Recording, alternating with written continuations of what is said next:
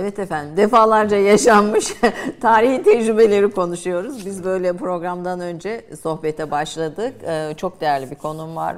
Profesör Doktor Ali Fuat Örenç. Bugün tarihe yakın tarihi ama çok yakın 200 yıllık bir tarihi konuya biraz denizlerin dibinden, denizlerden bakacağız. Farklı yerlerden bakacağız ama bizim konuşmaya e, program açılırken konuşmaya devam ettiğimiz konu Türk-Amerikan silah ticaret tarihiydi. Şimdi e, e, herhalde görebiliyor arkadaşlar e, kitabı. E, son derece özel, önemli bir çalışma ve bugün de aslında e, bir, bir, bir yaşadığımız birçok konunun benzerlerinin geçmişte yaşandığını gösteriyor. Şimdi bu silah ticareti konusuna giriyorum çünkü biraz önce siz de güncel bir olaydan yola çıkarak buradan başladık başladık konuşmaya. Ee, Osmanlı Devleti 19. yüzyıla geldiğinde bir modern ordu kuruyor ve bununla birlikte silahlarını da yenileştirmeye e, başlıyor. E, ve bunun içinde Amerika'da dönemin en son teknolojisi Springfield, Martini Henry ve Winchester gibi Amerikan tüfeklerinin Osmanlı'da satın alınma süreci başlıyor. Şimdi burada ne oluyor, ne yaşanıyor? Yani bir mesela Abdülhamit'in açtığı Amerika'da bir dava olduğunu bilmiyor idim. Yani e, devletler arasında da bir şey var. Yani biraz burada yaşananları sizden dinlemek istiyorum. Benim çok ilgimi çekti. Eminim izleyicilerimizin de çekiyor. Çok sağ olun. Beni konuk ettiğiniz için Estağfurullah. Lütfettiniz. Sizi evet. konuşacağız. Şimdi ben böyle bir hani devam ede gelen bir konu evet. olarak da evet. arzu ettim. E, bütün konuklarımızı da saygıyla selamlıyorum. Çünkü bu saatler dinlenme saati toplumumuzun. Evet, Kalkmışlar evet. bizi dinliyorsalar. Evet. E, sadece Amerika ile değil bizim e, geçmişten bugüne ordumuzun modernizasyonu ile ilgili bir e, bir serüvenimiz var. Ordu önemli bir coğrafyadayız. Ordu önemli. Şimdi Amerika ile izin verirseniz bir öncesi var, bir tık öncesi onu anlatayım. Yani bu bahsettiğimiz olaylardan bir tık öncesi Amerika ile ilişkilerimiz 1830'da başlıyor silahla ilgili. Niye böyle oluyor? Çünkü o arada bu Navarin baskını var. Ee, Yeniçeri'yi kaldırmışız. Ordumuz yok, donanmamız yok. Büyük bir imparatorluk Orada da ortada ordu yok kaldırılmış. Yani Navarin baskınına sonra geleceğiz evet, aslında evet, Mora yani, Türkleri falan. Yani Navarin baskında bizim donanmamızın neredeyse evet. tamamı yok edildi. Yok edildi. Biz o süreç sonrası bir arayışa Avrupa ile Avrupa'nın bu e, tavrı nedeniyle Amerika'ya yöneldik. Amerika ile 1830'da anlaşma yaptık. 10 yıl boyunca ona o zaman gireceğimiz için söylemiyorum. 10 yıl boyunca Amerika'dan teknoloji transfer ettik. Fakat anlaşmamıza rağmen Amerika bunu mesela meclisten onaylamadı. Bize ilk şeyi odur Amerika'nın. İlk An- kazığı değil. Ilk, yani tabir, tabirimi mazur görün. E, ilk kazı odur. El altından yaptı. Korktu çünkü. İngiltere'den korkuyordu o zaman. Çok İngiltere'nin baskısı vardı. İlk orada biz e, tabii ikinci Mahmut o zaman hakikaten şaşırmıştı. Sen bir devletsin anlaşmışız. Her şeyi yapmışız. E, sözünde durmuyorsun. Bize mühendisler gönder. İkincisi de ikinci dönem yine e, e, dünya silah tarihinde bir kırılma dönemidir. Ee, özellikle piyade tüfeği tarihinde kırılma dönemidir. Amerikan İç Savaşı sonrası gelişmeler. Amerikan İç Savaşı'nda bir silah stoğu oluştu. İç Savaş sonrası. Amerikan Üretim yapıldı. Yapıldı. Silahlar, savaş bitti. Silahlar elde kaldı. Buna bir pazar gerekiyordu. Şimdi Amerika'nın silahlarının kendini ispatlaması lazım. Avrupa ordularında silah kullanmak için Ayşe Hanım bir 10-10 yıllık deneme süreleri oluyor. Ama Osmanlı'da öyle değil. Padişah oldu dediği zaman olduğu için biraz bize hızlı, hızlı süreç hızlandığı için bize yöneldiler. Biz silah alımını başlattık. Abdülaziz, Abdülmecit Abdülaziz döneminde. Abdülaziz döneminde hızlandı. Ee, tabii ordumuzun modernizasyonunu tamamen Amerikan vizyonuna biz e, yönelttik. Tamamen Amerikan silahları. Ee, Winchester adlı bir adam eline bir valiz alıyor. Proje çizim var. Silah ortada yok. Hiç Sadece şey çizilmiş. Çizilmiş. Geliyor. Ee, Osmanlı arşivinde Winchester'ın çok önemli bir adamdır biliyorsunuz. Kovboy filmlerinde öyle anlatalım halkımıza. Kovboy filmlerinde kullanılan tüfekler ve tabancalar. O gördüğümüz çok evet. aşina olduğumuz evet, tüfek bu şimdi eski tüfekler dolum tüfeklerdi. Bunlar artık mermili hı hı. tüfekler. Yani 7-8 tane atıyor. Eskiden bir tane dolduruyordunuz. Şimdi 7-8 tane mermi atan tüfekler artık. Modern tüfekler yani. Bu geliyor çizimlerle e, ve buna e, sultan destek oluyor. Parasını alıyor. Bakın ortada hiçbir şey yok. Sadece güven. Hı hı. Tamam diyor sen git paranı da al, silah üret getir. Yani fabrika kurduruyor Amerika'da. Fabrika, silah tabii. fabrikası. Silah kurduruyor. fabrikası evet. Bir e, Portsmouth bölgesini, bölgenin tamamı Osmanlı'ya çalışıyor. Bir, ölmüş bir sektör vardı, silah sektörü. Onu canlandırıyoruz. Orası bir Türk kasabası gibi oluyor. Şimdi bu Bize. bu şey yani bir yatırım yapıyor Yatırım Osmanlı yapıyor, yapıyor, evet, Osmanlı evet. kendi e, askeri şeyi Evet, için modernizasyon bir, için. modernizasyon için bir yatırım Evet, yapıyor. evet. Bunu da Amerika'da yapıyor. Amerika'da yapıyor. Tabii Amerika firmalarını destekliyor. Firmalar üretim yapıyor. Çok güzel silahlar üretiyor. Bize de satıyorlar. Bu silahlar çok başarılı silahlar Ayşe Hanım. Ee, dünya e, askeri tarihini değiştirecek silah. Tabii başarı sağlayınca Amerikan silahlarının dünya piyasasında bir e, cazibesi oluşuyor. Birçok orduda Amerikan silahları kullanılmaya başlıyor veya o model silahlar kullanılmaya başlıyor. Uzun süre biz silah satın alıyoruz Amerika'dan. Ee, tabii e, gel zaman git zaman Abdülhamit dönemi geliyor. Abdülhamit'in biliyorsunuz karakteri biraz farklı. Şimdi e, silah alımlarında mutlak surette yolsuzluk oluyor Ayşe Hanım. Komisyonlar var, e, bir takım he, uzun süreli ilişkiler olunca, şirket de olunca bir takım e, böyle devletin e, görünen e, kısmı dışında e, ilişkiler gelişiyor.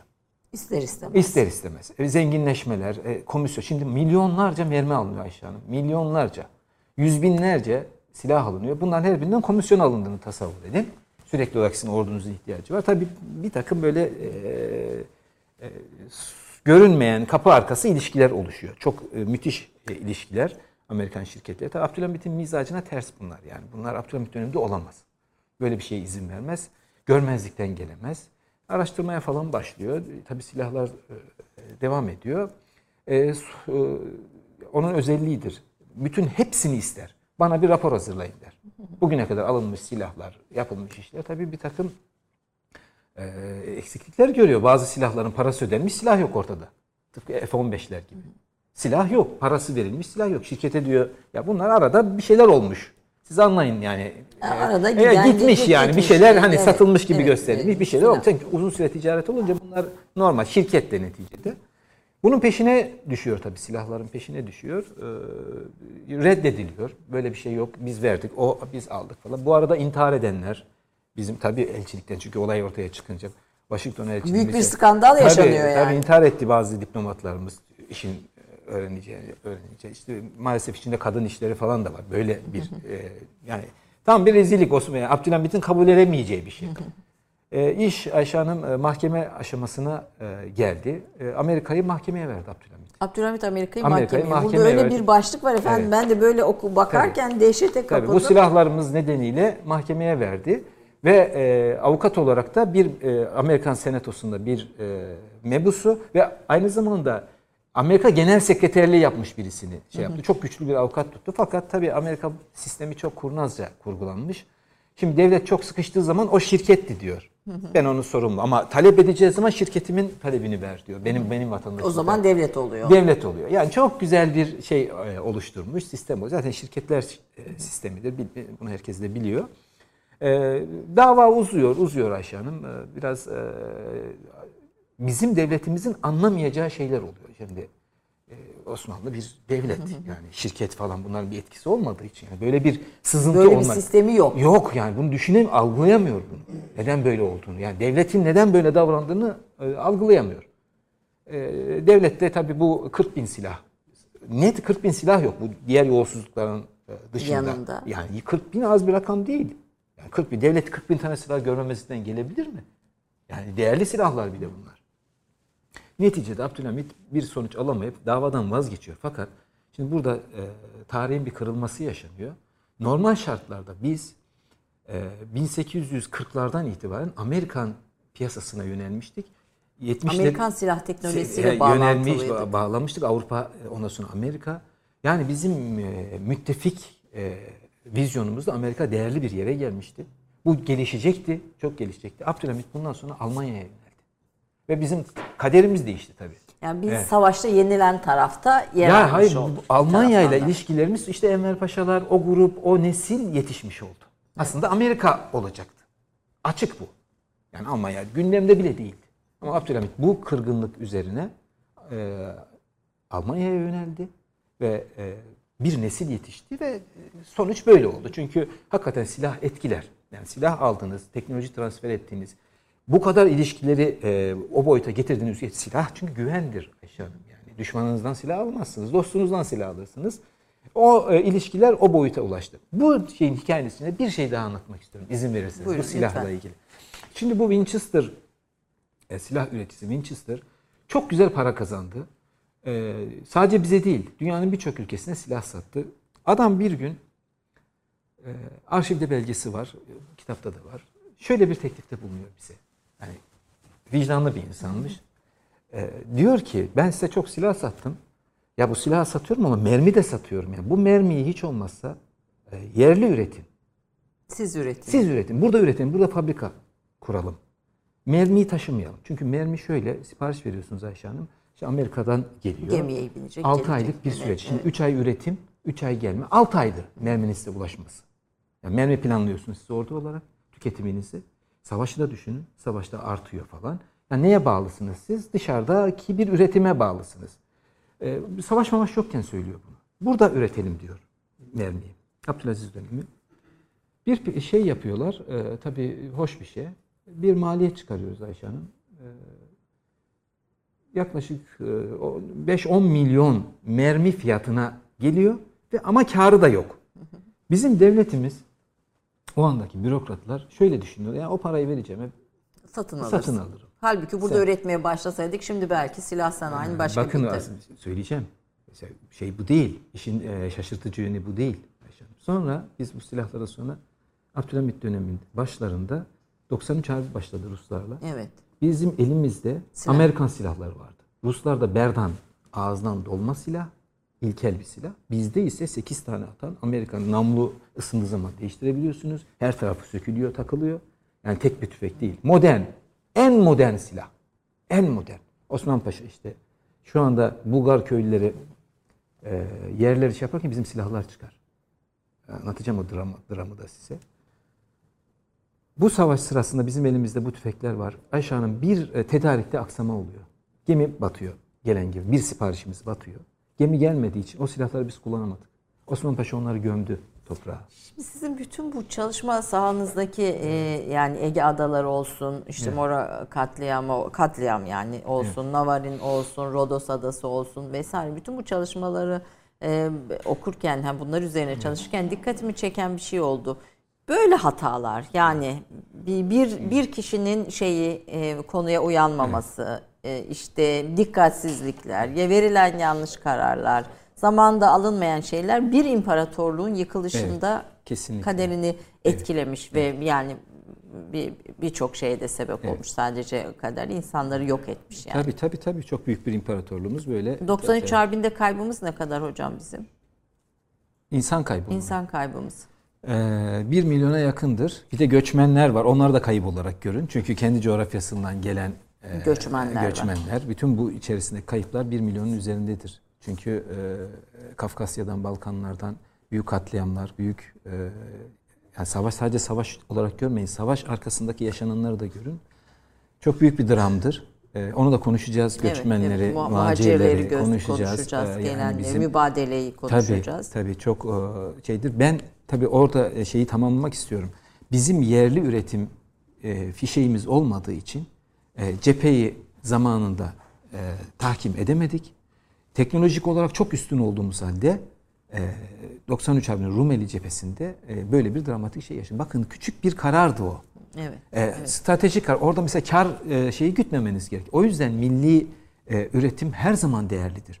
E, bakınız yani bir bir tarihin döndüğü andır yani. Evet, Küçücük gerçekten tarih. Yani enteresan. Biz bunu e, Ee, yani- 200 yıl sonra E, söylüyoruz. söylüyoruz. Yani Peki bu yapıyoruz. 200 yıl boyunca bunların hani ne yapılması lazımdı? Bunlar bilinip ona göre davranılması hareket edilmesi Evet. gerekir. Bu kitabın bu Türk-Amerikan silah ticareti tarihi belgeler de var. Kitabın yarısı tamamıyla belgeler, arşivler. Hani bütün arşiv kayıtlarıyla e, yapılmış hocam. Titiz bir tarihçi, Evet, titiz biz bir üç, araştırmacı. üç kişi yaptık birlikte. e, üç, Evet, e, Ali İhsan Gencer sizin Evet. tez danışmanınız hocanız evet. aynı zamanda. Galiba sizin de emeği çok olan Evet, birisi. çok, çok, Aa, evet. Allah rahmet eylesin. Allah razı olsun. Evet, Metin Ünver var. Bu üç kişinin belgeleriyle de- gerçekten kütüphanemizde bulunması gereken bir Türk-Amerikan silah ticaret tarihi. Bugüne de ibretlik olaylar var. Davanın sulh yoluyla sonuçlandırılması ve tüfeklerin kurtarılması deniyor. Burada Evet. kurtarılıyor E, mu ya, tüfekler? e, Yani şöyle bir şey. o kadar uzun süre sonra bir anlaşmaya varılıyor ama bizim istediğimiz gibi değil tabi. Yani olay hani bir e, sulhu Ab- Abdülhamit yanaşıyor. Ne kurtarırsam o şey. Kârdır diyor. Yani bizim istediğimiz gibi değil. Sonuçlanmıyor. Yani bu süreç e, tamamen Amerika'nın oyalanmalar oyalamalarıyla e, süreci e, sabote etmesiyle diyelim. Bizim hakkımızı gasp etmesiyle sonuçlanıyor. Yani aldığı Abdülhamit'in istediği değil. Ama bu bu bu ticaretin sonuçları evet. efendim bizim Alman evet. silahlarına yönelmemiz Kesinlikle. ve Almanya ile birlikte evet. Birinci Dünya Savaşı'na Tabii olay öyle öyle yani e, yolculuğumuz bir, öyle devam ediyor. Bir tarihe doğru bir yol ayrımı. Tabii. Ya yani. şimdi anakronik tarihçilik yapmayalım. Şöyle oldu böyle oldu ama neticede öyle yolumuz öyle gitti. Yolumuz yani. öyle gidiyor. Yani, evet. Efendim e, bu değerli konu Profesör Doktor Ali Fuat Öğrenci kimdir? Kısa bir özgeçmiş izleyelim. Ondan sonra diğer başlıklarımıza geçeceğiz. İnşallah yeter program süremiz tüm başlıklara kısmen de olsa değinmeye. Ali Fuat Örenç 1969 yılında Samsun'un Çarşamba ilçesinde doğdu. İlk ve orta tahsilini burada tamamladı. 1992'de İstanbul Üniversitesi Edebiyat Fakültesi Tarih Bölümünden mezun oldu. Aynı yıl Yakın Çağ Tarihi Anabilim dalında yüksek lisans programına başladı. 1993'te Yakın Çağ Tarihi Anabilim dalına araştırma görevlisi olarak atandı. Yüksek lisansını yakın dönem tarihimizde Sisam Adası teziyle 1995'te, doktorasını yakın dönem tarihimizde Rodos Adası teziyle 2002'de tamamladı. 1997-2003 tarihleri arasında Dışişleri Bakanlığı YÖK ve Stratejik Araştırma ve Etütler Milli Komitesi'nin yürüttüğü muhtelif bilimsel projelere katıldı. 2008'de doçent, 2014'te profesör ünvanını aldı. İstanbul Üniversitesi Edebiyat Fakültesi Tarih Bölümü Yakın Çağ Tarihi Anabilim Dalı öğretim üyesi olan Ali Fuat Örenç'in yayınlanmış kitapları şunlardır. Yakın Çağ Tarihi 1789-1918, Bahriye'de Zafer Rehberi, Türk-Amerikan Silah Ticareti Tarihi, Unuttuğumuz Mora Türkleri ve eyaletten bağımsızlığa Yunanistan, yakın dönem tarihimizde Rodos ve 12 ada. Profesör Doktor Ali Fuat Örenç, Türk denizcilik tarihi, Ege Adaları, Balkan tarihi, Türk-Yunan ilişkileri ve yakın dönem tarihi üzerinde akademik çalışmalarını sürdürmektedir. Hocam bu e, Ege'den başlayarak yakın tarihi, yakın çağ tarihini araştırma merakınız Karadenizlikten mi geliyor? evet. E, tabii e, sürekli suların kenarındaydık. Rahmetli dedem de kayıkçılık yaptığı için orada da bir e, içimize bir sevgi oluşmuştu. Hocam da tabii kendi hocam e, Türk denizciliğinin tarihinin önemli ismidir. Türkiye'deki sembol isimlerinden birisidir. Tekrar e, rahmet diliyorum. E, kendisi bizi o alana yöneltti. E, şimdi çok güzel sloganlar var Türkiye'de. Çok hoş oldu bu. E, Türkiye denizcileşecek, mavi vatan kavramları güzel belli bir noktaya geldi. İşte biz hani bu e, bu oluşan e, algının altyapısını oluşturmaya çalıştık yıllardan beri. Çünkü, çünkü jeopolitik yaşadığımız coğrafya bize Bizi buna yönlendiriyor Ayşe Hanım. Bizim muhakkak bir yönümüz denizci olmak zorunda. Böyle böyle olduğu zaman çok başarılı olduk.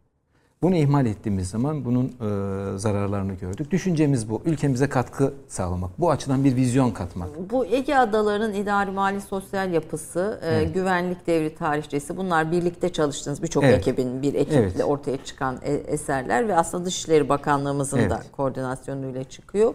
E, kaç yıl süren araştırmaların sonunda ve belgelerin ve arşiv kayıtlarının sonunda bu eserler ortaya çıktı. Şimdi e, yeni e, henüz e, Yunanistan'ın bir koyun adaları tatbikatına e, Milli Savunma Bakanımız tepki gösterdi. Türkiye tepki gösteriyor. Bu tepkilerin tabii bu yaşananların bir tarihi geçmişi var Ayşe Hanım. Bugüne has bir şey değil bu. Ege sorunu bugünden yarına bir mevzu değil. Ee, belki bizim İstanbul'u fethimizden itibaren başlayan bir şey. Böyle başladı yani hikayenin esas e, şeyi, derinliği. E, Figen Akat gemisi meselesi vardı. Kar, Kardak meselesi. Evet. Hatırlarsınız. Be, 1997. Bizim, evet bizim evet. gençliğimizde tabii ben televizyonda da evet. çalıştığım için o dönem evet. hani bir, bir bir kaya bu keçilerin bile çıkmadığı evet. kayayı Bravo. biz niye bu kadar sorun ediyoruz evet. diyenler bir tarafta. Bu evet. bizim için çok kıymetlidir diyen öbür tarafta nedir o Kardak meselesinden evet. başlayarak Kardak Ege, mes- Ege adaları sorunu evet. nedir? Ege adaları sorunu e, bir potansiyelin, bir denizin paylaşmasıyla alakalı bir şeydir. Bunun e, ben e, tabirimi yanlış kullanmak istemem ama ömrümü verdim bu işe. 3000 tane adanın peşinde koşturdum Ayşe Hanım. E, gözlerimi bağlasanız yani bilirim hepsini. Çok emek verdim. Ülkeme katkı. Haritada varsa arkadaşlarımız evet. onu da DSF olarak versinler. Evet. E, Bu adaların hepsini yerini gözün bağlayarak yani harita, yani haritada bulabilirim. Şöyle hani hepsini gezmedim ama o kadar çok çalıştım ki belgelerin içerisinde. Çalıştık daha doğrusu. Bu 1997 yılında e, kriz başlayınca devletimiz iki şey yaptı. Tansu Çiller Başbakandı. Başbakandı. Tamam bir güç gösterisi yaptı. E, savaşa hazır olduğunu söyledi ama devletimiz sakin bir şekilde de uzmanlarını çağırıp çünkü e, Ayşe Hanım siz de bilirsiniz. E, krizlerin iki aşaması vardı. Bir sahada bir de masada. Her ikisinde hazırlıklı olmanız gerekir. Yani çok güzel, başarılı oldunuz, iyi savaştınız ama masada, diplomaside başarı gösteremezseniz bu ziyan olur. Bunun yüzlerce örneğini yaşıyoruz, birlikte yaşadık, yaşadık evet. yaşıyoruz. Yani masada kaybetmek en acısıdır. Maalesef bizim tarihimizde de vardır bunlar. Devletimiz masada güçlü olmak için 150'ye yakın ülkemizin bilim insanını alelacele topladı. Ona onlara imkanlar sağladı, arşivleri açtı. Lütfen dedi, uluslararası hukuka uygun, ben her şeye razıyım ne çıkacaksa çıkarın. Ülkemiz masada da hani hazır olalım düşüncesiyle. Tabii biz tarihimiz çok e, güçlü bir tarihimiz olduğu için, büyük bir tarihimiz olduğu için muazzam e, sonuçlar ortaya çıktı. Yayınlar yaptık. Bu yayınlar da Ayşe Hanım sağ olun, teşekkür ederim. E, YÖK bünyesinde, stratejik araştırma bünyesindeki yayınlar da çok değerli yayınlardır Ege konusu. Ama maalesef bunlar bir köşede kaldı. tekrar basılması gerekir. ülkemiz burada müthiş bir potansiyeli keşfetti bu süreç içerisinde. Tarihin bize çok yardımcı olduğunu gördük ve ne ortaya çıktı? Ee, aslında Ege Denizi'nde egemenliği e, devredilmemiş, statüsü belirlenmemiş yüzlerce ada oldu ortaya çıktı. Çünkü siz anlaşmalarla belirlenmemiş hiçbir şeye sahip olamazsınız Ayşe Hanım. Uluslararası hukuk böyledir. Ben burası benim diyemem. Bir uluslararası e, bir zemini olması gerekir. Çünkü e, bu Ege'de birçok ada var ve bunların hepsinin statüsü belirlenmiş değil anlaşmalarla. Belirlenmeyince ilk sahibine döner mevzu. Bunun içinde kayalıklar da e, dahil. Tabii tabii. Herhangi bir formasyon, herhangi bir suyun yüzeyindeki her şey aynı değeri atfeder. Egemenlik e, devri bakımından e, alan belirleme açısından. Onun şeyi yok. Üzerinde insan yaşıyor diye öyle öyle bir mevzu değil. Bu toprak kara parçasıyla ilgili. Suyun yüzeyindeyse o değeri taşır. Biz bunları tespit etmiştik o zaman. 10 yıllık bir çalışma yaptık. Ayşe Hanım çok güzel bir çalışma Kaç yaptı. ada var şu anda böyle bir bizim kara parçası olarak gördüğümüz ada demeyelim işte diğer bir Tartışmalı 200'ün üzerinde ada var. Tartışmalı net, ki, net. Ada var. Kayalıkları söylemiyorum. Binlerce de kayalık var. Çünkü bunlar bir formasyon halinde. Evet. Biliyorsunuz belli evet, yerlerde. Evet. Yani ada olarak 200'e yakın ada var tartışmalı. Fakat bir şey söyleyeceğim şimdi. Ee, yanlış anlaşılmak istemiyorum ama bunu kendim gözlemliyorum. Bu konuyu çok iyi bildiğim için söylüyorum. Bilgi güçtür Ayşe Hanım. Doğru bileceksiniz. Evet, evet. Bir talepte bulunurken doğru talepte bulunacaksınız. Bir eleştiriniz varsa doğru. Şimdi zaman zaman ben görüyorum. İşte 16 tane adamıza şu oldu, Yunanistan şunu yaptı, bunu yaptı, seyrediyoruz, meyrediyoruz gibi kavramlar var. Ee, sanki Türkiye o konuyla hiç ilgilenmiyormuş. Hiçbir bilgisi yokmuş gibi. Yani şimdi öyle bir şey ki sayılan adalar içerisinde uluslararası hukukla devrettiğimiz adalar var. Yani komik duruma düşüyoruz. Yani sen anlaşmayla verdiğin bir adayı tekrar benimmiş gibi söyleyemezsiniz. O. Onu onu kabulleneceksiniz. Bu bilgisizlik nedeniyle çünkü şöyle bir durum var Ege'de. Ee, ada isimlerinde en az 10 tane çok affedersiniz Farklı. eşek adası var. Aynı isimde 10 tane. En az 10 tane koyun adası vardır. En az 10 tane tavşan adası vardır. Şimdi siz sanki bir tane tavşan adası varmış gibi davranırsanız Yunanistan örnek veriyorum. Bir tane tavşan kendisine ait tavşan adasında bir e, bir şey yapıyor idiyse e sen burada bu aradaki farkları bilmediğin için, coğrafyayı tanımadığın için burada kendi aslında kendi ülkene zarar veriyorsun. E, böyle şeyler oluyor da olabilir. Yunanistan bunu yapmıyor değil. Zaten ya biz Kardak için neler yaptı Türkiye? Ya Türkiye bunları takip etmiyormuş gibi, bu konuda bilgisi yokmuş gibi davranılmayalım lütfen. Kendimize burada zarar veriyoruz, farkında değiliz. Peki. Tarihi bu önemli bir uyarıydı. Evet. tarihin bir hafızası var. Yani evet. bir bir belleği var. Bu belleğin içinde yaşanmış acılar var, travmalar var. Yani bir birçok şey var, sevinçler evet. var e, gururlar var vesaire ama Türkiye'nin bir e, Cumhuriyet'in de ilk evet. yıllarında ve sonrasında da bir Yunanistan meselesi var. Evet. Şimdi biz, biz yani 2000'lerin insanları olarak baktığımızda bizi izleyen gençler de var. Ya bu Yunanistan meselesi nereden çıktı? Biz niye bu Yunanistan'da böyle hani bir şey çekişme içindeyiz. Evet. Yani bu bizim işte e, klasik batının tanımıyla hani doğunun Müslümanların klasik Hristiyanlara karşı reaksiyonu mu gibi evet. böyle birçok e, şeyle hani e, farklı yaklaşımlarla bakabiliyoruz meseleye evet. ve böyle yorumlarda okuyoruz. Fakat Türkiye'nin Yunanistan meselesinin e, ve sizin kayıtlarınızda çok ciddi bir geçmişi var. Evet. Ege Adaları meselesinin ciddi bir geçmişi, tarihi var. 200 yıl öncesine kadar uzanan bir tarihi var. Biz Ege Adaları'nda ne zaman güç kaybetmeye başladık ve Yunanistan'ın bağımsızlığı, bağımsızlık evet. mücadelesi, Moro isyanı, ve devamında o bölgede adalarda yaşananları evet. dinlemeye başlayalım efendim. Evet. Şimdi e, şöyle söyleyelim. E, bizim Rumlarla tanışmamız Anadolu'ya gelmemizle birlikte. Evet. Ortak bir e, kültür oluşturduk. Yani Türk kültürünün Türk kültürünün tanımlanmasında Rumlar, Ermeniler, Süryaniler ve sayısız unsur var. Bu bir sentez kültür zaten Türk kültürü. Ve bu sentezi biz halen daha korumaya çalışıyoruz elimizde. Milli bir devlet olduğumuz halde açılımı, Türk devletinin açılımı o imparatorluğun e, daraltılmış halidir. Böyle bu bir zihniyet meselesi Ayşe evet. Hanım. Bu bir e, anlayıştır. O senin tanımlamanla da olmaz. Ben öyle değilim deme, demenizle de olmaz. E, bu bir e, bize tarihin yüklediği bir e, genetik kültür kültür evet. yani. Bu bir miras. Genetik. Evet, miras. miras. Evet. Yani e, biz Türkiye Cumhuriyeti imparatorluğun vinzip halidir. Sıkıştırılmış halidir. Buraya sıkıştık. Ama bütün o açılımlar, onun, bütün renkler onun içerisinde var.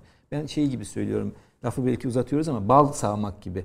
Balı sağarsınız yukarıdan bir kavanoz ama bir sürü polen vardır oradan, arılar oradan burada. Biz cumhuriyet olarak öyleyiz ama içinde bir sürü renkler var. İmparatorluğumuzu biz böyle e, sağdılar, küçük bir kavanoza aldılar ama içindeki renkler imparatorluk renkleri. Şimdi Yunanistan'da böyle. E, bizim içimizden ilk kopan ülkedir Yunanistan. Tabii ilk defa biz Osmanlı ilk kaybını Yunanistan'da yaşadı. İlk ayrılıktır. Bu tabii acı oldu. Ne buna Osmanlı hazırdı, ne e, e Yunanistan hazırdı. E, inanılmaz şeyler yaşandı bu süreç yani içerisinde. 1821'de 21. başlayan bir isyan, isyan e, bu e, ve Rusların kışkırttığı. E, Ruslar ağırlıklı olarak Ruslar e, tabii bütün e, bu bir anda din savaşına dönüştü. E, Müslüman Hristiyan buna hazır bir sosyolojik zemin var Avrupa'da. Her zaman var. Şu anda da var. Yani e, papazlar orada galiba tabii öyle. Papazlar, işte, savaşın kışkırtıcılığını e, yapıyorlar. Entelektüeller, e, Lord Byron var mesela İngiliz büyük şair. O burada, e, Ruslar burada. Bir sürü gönüllü var. Gelip e, bunlar e, biraz sonra söyleyeceğiz. Tripoli'de e, Müslüman kanı aktarak cihat yaptılar yani. Avrupa'nın her yerinden gelerek insan boğazladılar. Öyle bir şey oluştu. Ee, dolayısıyla bir din savaşı e, algısı oluşturuldu. Ama aslında Osmanlı'nın parçalanması yavaş yavaş yani bir yöntem denendi. Yani o, e, o bölgede 1821'de Rusların desteğiyle ve İngilizlerin evet. ve sonra Fransızların evet. da dahil olması, Avrupa aydınlarının Almanya tabii, tabii, dahil tabii desteğiyle e, büyüyen isyan 10 yıl sonra Yunanistan'ın bağımsızlığıyla evet, sonuçlandı sonuçta. ve Osmanlı da bu bağımsızlığı tanıdı. Evet. Bu 10 yıl içinde Mora Türkleri evet. sizin kitabınızdan birisi. E, Balkanlarda ilk dram unuttuğumuz Mora Türkleri ve eyaletten bağımsızlar Yunanistan hocamın evet. değerli kitaplarından evet. birisi. E, ben okurken doğrusu yer yer çok e, böyle e, duygulandım. E, evet. Vahşetin bu kadarını e, yaşayan evet bir bir toplum e, atalarımız diyelim evet. E, böylesi ve yok oluyor Mora evet. Türkleri tamamen. Tarihin sahnesinden neredeyse siliniyor. Anadolu'ya ulaşan evet. 200 filan 200 270 yani, bir rakamdan evet, söz ediliyor. Çünkü şu Mora ana karası diyelim Yunanistan'ın Mora kısmı Yunanistan sonra büyüdü. topraklar Rumeli yönünde çok büyüdü ama ilk kurulduğu yeri söyleyelim. O bölgedeki Türklerin izini sürdüm ben. Ayşe Hanım çok uzun süre çalıştım. Ee, sonra bu olay beni e, psikolojikmen çok etkiledi tabii. Bir içimde bir feryat birikti.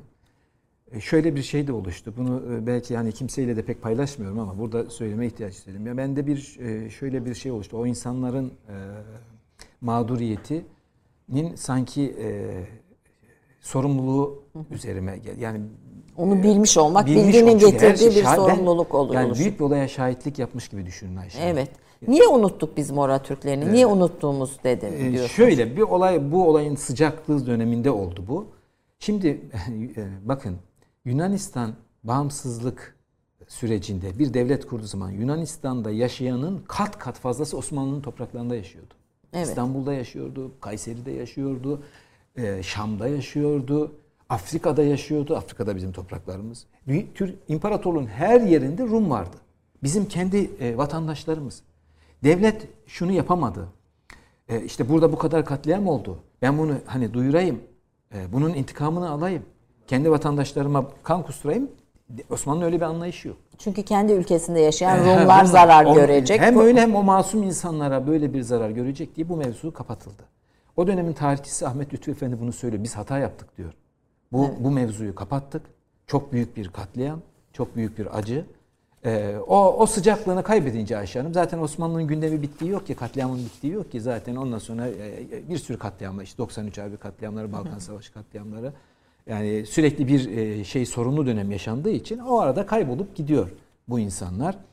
E, bu insanlar Ayşe Hanım, bu insanların orada ne işi var?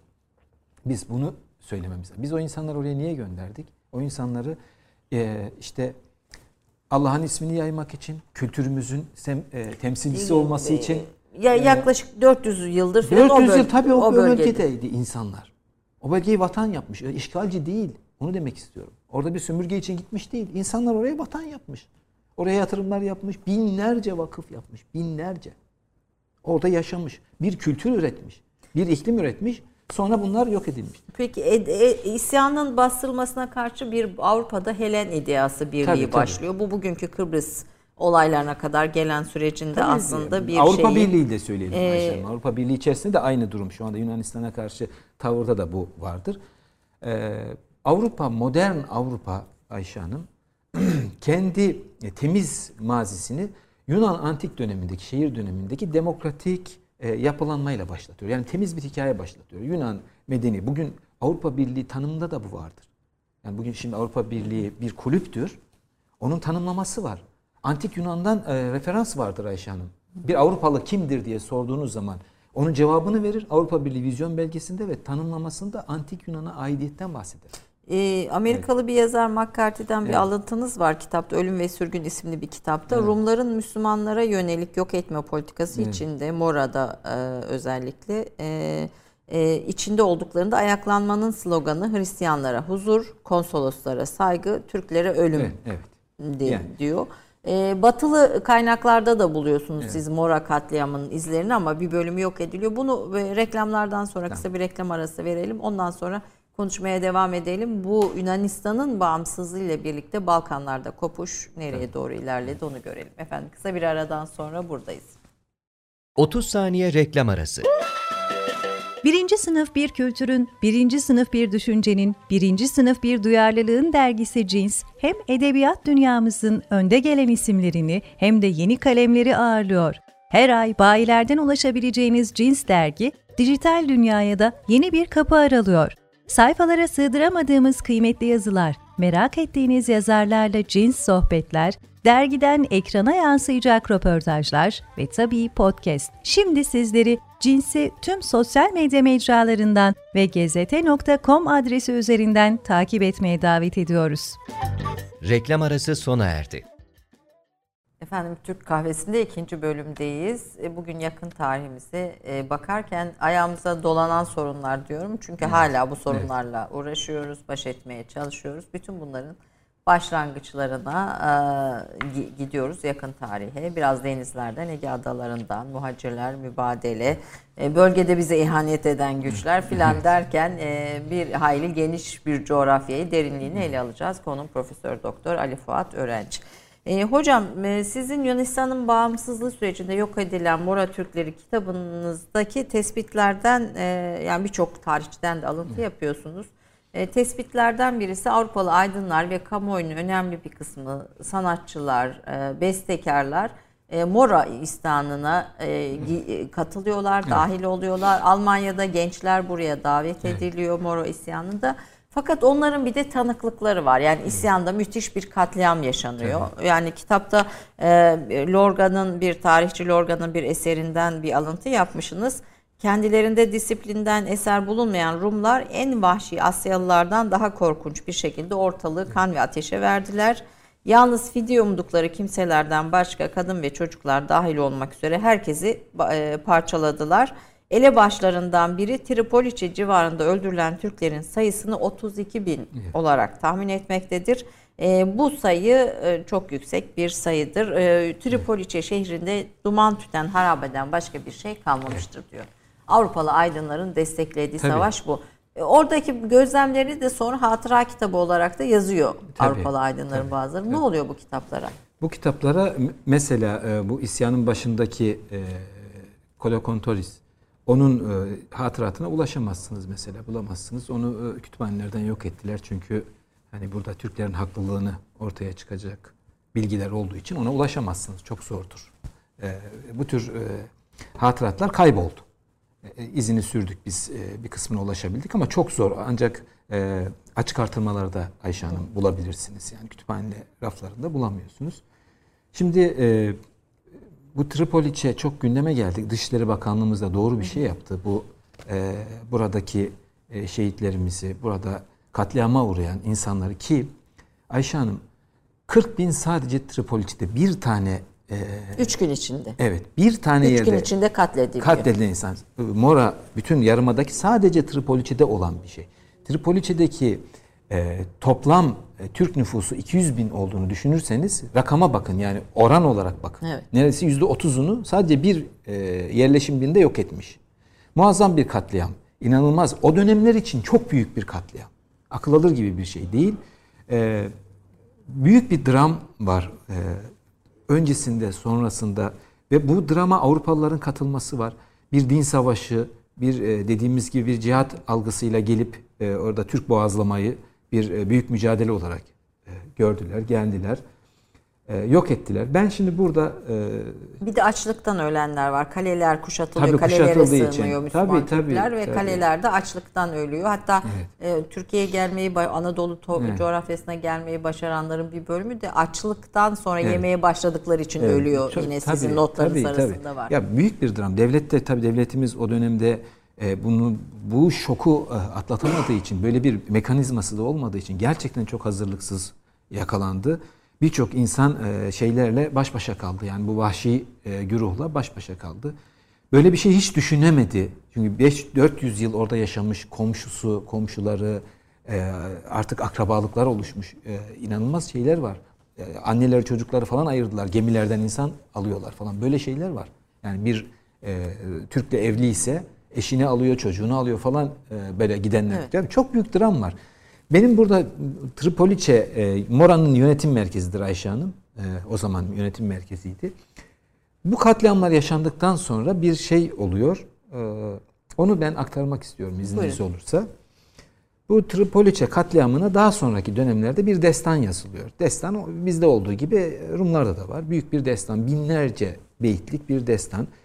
Bu destanda e, e, Türklerin e, bir e, din e, gayretiyle nasıl katledildiği, nasıl boğazlandığı, kendi dini yönü ağırlıklı. Hatta hatta şöyle kelimeler var. Ey Ortodokslar, cehennemin nasıl bir yer olduğunu görmek istiyorsanız Tripoliçe'ye bakın. Cehennem böyle bir yerdir gibi. Yani yani cehennemi yaşattığını da kabul ediyor. Böyle bir destan var. Yunanistan bu destanı milli marş yaptı Ayşe Hanım. Yani Yunanistan milli marşı şu anda milli marş olarak okuduğu, kendi milli kimliğini tanımladığı, uluslararası arenada kendisini ifade eden metin olarak Türklerin boğazlandığı, Türk kanının akıtıldığının övüldüğü bir destanı şey yapmış oldu. Çok kırıcı bir şey bu. Ve bugün mesela bizim burada konsolosluklarımızda Yunan Milli Günü'ne katılırız. Biz gideriz. Orada hadi uluslararası platform bırakın Yunan Milli Günü'nde o günde bunu dinleriz. Yani Türklerin e, katliamının övüldüğü milli marşı. Tabii e, diyecek bir şey yok. Dedik ki sizinle de konuşmuştuk. Coğrafya hakikaten Evet, kader. kader, evet. Bunlara da katlanmak durumundayız ama e, bu da hani bilelim bunu da. Bu çok e, saygısız bir e, şeydir, kırıcı bir e, davranıştır.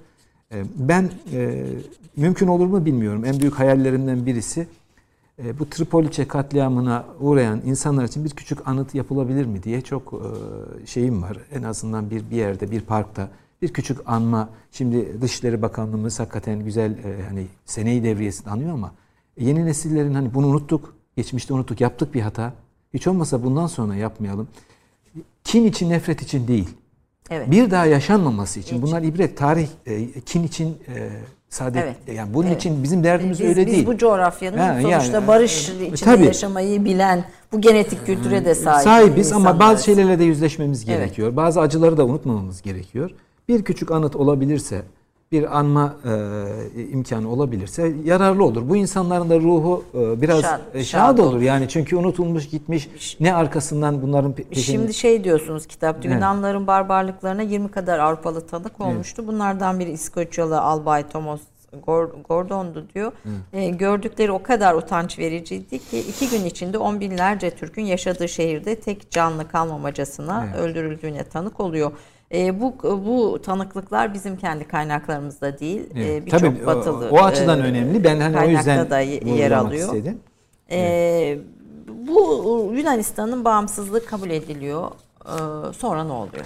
Yunanistan'ın bağımsızlığı nasıl kabul ediyor? Ben e, 1831 kabul 1800 ediliyor. Osmanlı da kabul etmek Evet. zorunda kalıyor. Ve sonra ne oluyor? e, küçük nasıl kabul edildiğini anlatmak istiyorum. Yunanistan diye bizim karşımızda bir şey yok. Yunanlı diye bir şey yok. Biz bütün bu süreci İngiltere, Fransa ve Rusya ile yürüttük. Ortada Yunanistan falan yok. Size enteresan bir şey söyleyeceğim. Yunanistan'ın bağımsızlığıyla ilgili anlaşmayı da bunlarla yaptık. Biz İngiltere, Fransa Tabii ve Rusya ile Yunanistan'ın bağımsızlığı Tabii, anlaşmasını Yunanistan yaptık. yok ortada hiçbir şey. Hiçbir yerde imzası yok. Kurucu devletler olarak bu üç şey var. Yani Yunanistan'ın vasileri var. Velileri var. Ee, bu uzun süre 1840'larda kadar böyle oldu. Bütün anlaşmaları da onlarla yaptık. Yunanistan ortada yok. Hiçbir şekilde. Onların kendi şey yaptıkları hani e, velisi var. Üç tane. Kurucu devletler. Üçün imzası vardı. Anlaş Bizim ve onların. Bu e, Ayşe Hanım kitabımda ben yazdım. Zayıf düştüğünüz zaman Avrupa karşısında zayıf düştüğünüz zaman nelerle karşılaşabileceğiniz ilk laboratuvar örneğidir bu. Yunanistan'ın bağımsızlığı Evet. meselesi. Avrupa'nın bize neler yapacağını daha sonraki dönemlerde hangi şeyleri e, formülleri uygulayacağını orada biz gördük. Mesela bir tanesi çok değerli bir bilgidir. e, değerli bir birikimdir. Sadece bu Yunanistan değil, bütün olaylarda karşımıza çıkar. Yunanistan'a da aynısını yaptılar. Bir ara formül vardır kopuşta. Osmanlı'yı parçalamada bir ara formül buldular Avrupalılar. Daha az acıtan, daha fazla e, bizi e, bu kopuşa hazırladıkları eyaletin mümtaze yapısı, otonom yapı. Önce otonom yapar. Yunanistan da öyle yaptı. 1829'da biz otonom yaptık Yunanistan coğrafyasını. Bir yıl prenslik olarak yönettik, Yaşadı. yaşadı. Tabii bu, bu bir yıl içerisinde biz neye alıştık? Yunanistan'ın bizden aslında kopmuş olduğuna alışmış olduk. Bir yıl sonra koptuğu zaman da zaten benden kopmuştu. Yani zaten gitmişti. Sembolikti, sembolik idi ilişkilerimiz şeklinde. Bakın bu bir formüldür. Bunu Mısır'da, Lübnan'da, Girit'te, Kıbrıs'ta, e, Bulgaristan'da, Makedonya'da, Osmanlı coğrafyasının her yerinde karşınıza çıkar. O yüzden 19. yüzyıl tecrübesi şunu söyler Ayşe Hanım. Bir yerde özerk, öz, möz böyle bir şey söyleniyorsa bunun sonucu bağımsızlıktır. Kopuştur. Kopuştur. Peki, Yunan- İstisnası bunun yoktur. Yunanistan meselesine tekrar geri döndüğümüzde Evet. bağımsızlığı kazandıktan sonra bir kral ata Evet, geldi. evet. Bu Avrupa hanedanlarından. Almanya'dan bir kral geldi. Bavyera'dan bir kral atandı. Tabii içeride e, üç tane denge var. Rus dengesi, e, Fransız dengesi e, ve İngiliz dengesi. Uzun yıllarda böyle oldu Yunan iç politikası. Yunanistan'ın özgün olarak bir Yunan e, politika uygulaması çok sonradır. Devrimler yaşadılar onlar, darbeler yaşadılar. Ondan sonra yani bu zamana kadar hep partiler vardı. Bu partilerin dayandığı ülkeler vardı. E, suikastler falan böyle bir Evet, karmaşık uzun içer. bir karanlık tarihi var. Tabii, karanlık bir tarihi var. Kendisi bir özgün bir şey olmadığı için yani başlangıcı öyle olmadığı için açık bunu şimdi hani e, lütfen Diğer ülkelerin hepsinin Ha, yani e, böyle kuruluşu öyleydi. kuruluşu. Peki bu, bu şekilde. e, bugünkü Yunan kralı mesela İngiltere e, e, kraliçesinin eşi ve yakınlarda Evet. vefat eden eşi de bu Evet. Yunan kral ailesinin Tabii bir temsilcisi. temsilcisi. Ya Şimdi Avrupa'da e, hanedanlık arasındaki biz bizde bile yani böyle bir akrabalık şeyi vardır. E, bütün hanedanlar Rus hanedanlığı da dahil olmak üzere Çarlık, Romanov dahil olmak hepsi akrabadır. Birbirleriyle e, evlilikler. Rusya'nın etkisi var mıydı sonrasında devam etti mi? Tabii tabii tabii çok ciddi etkisi vardır e, Yunan siyasetinde Ortodoksluk nedeniyle de. Bu- Rusya'nın Balkanlardaki en büyük avantajı bu Ayşe Hanım. Ortodoks. Ortodoksluk. Rusya bir kere e, her şeye önce başlıyor. Mezhep şeyi nedeniyle. Yani İngiltere ve Fransa'dan e, jeopolitik olarak e, hep öndedir bölgede. Çünkü halkın içindedir Ruslar. Yani İngiltere, Fransa siyasette etkili, ekonomide etkili, tamam askeri şey ama neticede halktır. Yani halkın kışkırtılması, yönlendirmesine Rusya'ya kimse rakibi olamaz Balkan coğrafyasında. E tabii dolayısıyla bizim parçalanmamız açısından o bölgeden e, bölgeden çekilmemizde de Rusların etkisi vardır tabii. Peki. E, Mora isyanı ardından Yunanistan'ın bağımsızlığı evet. Osmanlı'da bir e, şeyi başlattı. Bir iniş mi diyelim evet, artık. Zaten ilk, bir iniş vardı başlattı. ama bir büyük bir kopuşu başlattı. Sonra Balkanlar evet. devamında geldi. E, Balkanları nasıl etkiledi? Hani kısaca evet. oraya da değinelim. Rodos adasını bir Ege'de bir diğerini. Ben Orada... küçük e, küçük bir e, konunun irtibatı e, şeyiyle bu Ege meselesinde başlangıcı Yunanistan'ın kuruluşudur. Hemen orada küçük bir şey hatırlatalım e, izleyicilerimize. Şimdi Yunanistan kurulduğu zaman nerede kuruldu? E, bir ana e, karada, Mora e, karasında kuruldu. Sonra Yunanistan'ın sınırları Rumeli yönünde geliştirildi Ayşe Hanım. E, kitabımda onu da yazdım. E, skandal üstüne skandal sınırları. Hiç isyanla alakası olmayan Türk toprakları Yunanistan'ın sınırına bizim bakınız harita bilgimizin olmaması nedeniyle, jeopolitik bilgimiz olmaması nedeniyle bakın eğitimin ne kadar önemli olduğunu evet, söylemiş. Yunanistan bu sınırlar nereye doğru genişletildi? Rumeli yönüne doğru genişletildi. genişletildi. Bu e, genişletilmede bizim harita bilgisizliğimizden yararlanarak yapıldı. Yunanistan'ın doğal bir sınırı olsun isteniyor. Dağlar isteniyor. Düşünebiliyor musunuz? Dağ aranıyor coğrafyada. Bir sürü Türk toprağı Yunanistan'ın sınırları içinde kaldı. Daha bir şey söyleyeceğim size. Beni mahveden bir şeydir. Yani belki günlerce uyuyamadım bunun yüzünden. Sizinle paylaşayım. Bu büyütülen topraklarda bir sürü Türk köyü var. Adamların isyandan bile haberi yok. Yani doğaldır o dönem e, medya yok Tabii. bir şey yok yani isyan bölgesi değil. Alakası yok isyanla. İzdin, İstefe, Badracık, Türk köyleri bunlar. Bunlar Yunanistan'a bırakılıyor Ayşe Hanım harita üzerinde. Şimdi bir sorun var. Bu insanlara Yunanistan'a bırakıldığını söylemeniz gerekecek. Hiçbir devlet memuru kabul etmedi biliyor musunuz gitmeyi? Gidip söylemeyi. İnsanlara Rumlar, Yunan askerleri, tüylerim halen daha diken diken şu anda. İnanın yani ağlamak istiyorum yani bildiğiniz gibi değil. Yunan askerini görüyor ilk defa kapısında. Geliyor diyor ki kapısını 15 gün içinde burayı terk edeceksiniz. Burası bizim oldu.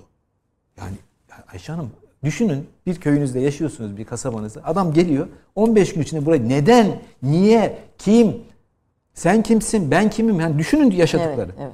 Mektupları var. Devlete mektup yazıyor insanlar. Bizi kanatları kırılmış kuş gibi yaptınız diyor. Kanatları kırık kuş gibi yaptınız diyor. Devlete mektup yazıyorlar. Yani şok. şok. Oralar terk ediyor. Yani bunlar yaşanıyor. Bu insanlar, şimdi siz muhacir diyorsunuz, göçmen diyorsunuz. İnsan böyle kalkıp geliyor. Ne kadar o yani 1800 demek ki artık 32'de 32'de başlayan evet. bu 32'de başlıyor herhalde değil mi? Muhacir? Aslında e, yani e, aslında bunu söyle, bunu söylemek istiyorum Ayşe Hanım. Çok önemli bir şey var. Bu ilk defa Avrupalılarla biz masaya oturuyoruz ya Yunanistan'la ilgili. İlk defa 1824, 25. Bize ne söylüyorlar biliyor musunuz? Burada Türkler gidecek bu coğrafyadan. Asla birlikte yaşayamazlar. Bakınız. Şimdi Osmanlı'nın e, oluşturduğu iklime bakınız Balkanlarda. Her türlü unsur birlikte yaşıyor. Avrupalılarla masaya oturduğumuz zaman bize ilk söyledikleri bak kelime de aynen böyle Türk kelimesi. Burada hiçbir Türk kalmayacak. Hepsi taşınacak. Mallarını satıp gidecek. E, çünkü e, istemiyoruz biz bu coğrafyada. Niyet açıktır. Yani o coğrafyada istemiyor. Yani tamamen dini e, sebeplerle. Evet. E, şimdi e, çalıştığınız sahalardan bir diğeri de Rodos. Evet. E, Rodos adalar ve evet. adalar. Rodos evet. ve 12 ada. E, biraz bunların e, o, evet. Osman yani bizim deniz hakimiyetimiz, evet. e, sınırlarımız, deniz sınırlarımız açısından önemi çok kısa evet. bir tarihçesi ve bunları evet. bu 12 adayı kaybetme hikayemiz yani evet. Lozan'la en son zaten şey tabii, veriliyor. Tabii. Elimizde ne kaldı, neyi Hı-hı. verdik, ne kaldı biraz onu konuşalım evet, Şimdi istiyorum. tabii e, şu anda bakalım şu anda e, buradan geriye doğru gidelim. Bir ortada bir e, Akdeniz'in değerli bir parçası olan Ege Denizi var. Potansiyelli bir deniz, önemli. Bizim için de önemli, Yunanistan için de önemli. İki tane ülke, dünyada iki ülkenin paylaştığı bir denizden bahsediyoruz. Evet. Aynı eşit sınırlarımız var Ayşe Hanım. Aynı oranda eşit sınırlarımız var. Ama paylaşım %97'ye 3. Nerede gördünüz siz böyle bir şey? Yani %97 adalar bu Ege Denizi'ndeki adaların o, onun, %97'si Yunanistan tarafında %3'ü evet, bizim tarafta. Evet, böyle. Lozan'da en son bunun şeyi Böyle imzalandı. şu anda yani şu anda reel Uluslararası hukukta bu, bu böyle bu- Yunanistan en azından böyle. Evet. Dünyanın neresinde böyle bir şey var? Neresinde böyle bir şey var? Böyle bir paylaşım dünyanın neresinde var? Ortak iki ülke olarak sınırdaşız bir denize ve sen %97'sini kullanıyorsun. Peki Ben- Rod- Rodos'un buradaki öneminden Evet. biraz bu evet. Şimdi biz bu adaları e, fethettiğimiz zaman İstanbul'un fethinden sonra ağırlaşmıştır, yoğunlaşmıştır. E, fethettiğimiz ülkeler de Yunanistan, Rumlar falan değil. Venedik'ten, Ceneviz'den e, bu tür unsurlardan aldık. Hep öyle söylüyorlar ya bizden aldınız bize dönüyor. Evet. Öyle alakası yok. Hiç ilgisi yok. E, karşımızda ne Bizans, o zaman Bizans'tı. Bizans diye bir şey yok. Bizans kalmamış zaten neredeyse bir İstanbul'la Mora'nın bir ucundaki bir kısımla. Biz Evet. diğer unsurlardan fethettik. Bölgeye hakim olduk. Yüzde yüz hakim olduk. Ege bir iç deniz. Karadeniz tabirimi e, lütfen e, yanlış anlamayın. Bizim jacuzzi'miz gibiydi yani. Karadeniz'e yaprak düşmüyordu. Yap, yani yabancı bir yaprak. O kadar. Harem-i İsmet'im derdi zaten. Karadeniz tamamen bizim zaten. E, Ege e, böyle. Akdeniz'in Doğu Akdeniz'in de önemli bir kısmı. e, Türk hakimiyetinde oldu. Uzun yıllar bölgede hakimdik. Sonra Yunanistan kurulunca Ayşe Hanım bu da önemli. Bakınız size bir şey söyleyeyim. Yeni Yunanistan e, kurulunca, e, Anakara'da kurulunca bazı adaları ta- e, talep ediyorlar. Yunanistan etrafındaki, Siklat adaları diyoruz ona. Yunanistan etrafındaki Narda, e, Para e, gibi, Naxos gibi adalar Yunanistan etrafında. Ve sonra yukarıda Eğriboz adası var. Bir vakıf adasıdır, Türk adasıdır. Vakıfları da konuşamadık şimdi aklıma Evet, geldi. evet, Vallahi Bir de vakıf işi var hiç sormayın. Bir dram da orada var. Anlatılacak gibi. Bitmiyor işte yani dram içinde dram var. Evet. Tarih böyle. Yaşanmış, uzun süre yaşanmış sorunlar. E, bu adaları biz Yunanistan'a veriyoruz ve Osmanlı diyor ki çok e, bakın anlayışa bakın. 1830'daki anlayışa bakın. Ben diyor seni burada kurulmanı kabul ettim. Senin etrafındaki adaların senin olması gerekir. Adalet bunu gerektirir diyor. Yunanistan'ın etrafındaki adalarda biz zorluk çıkarmıyoruz hiçbir şekilde. Bunu şöyle de düşünebilir. Ya işte verdim öyle değil.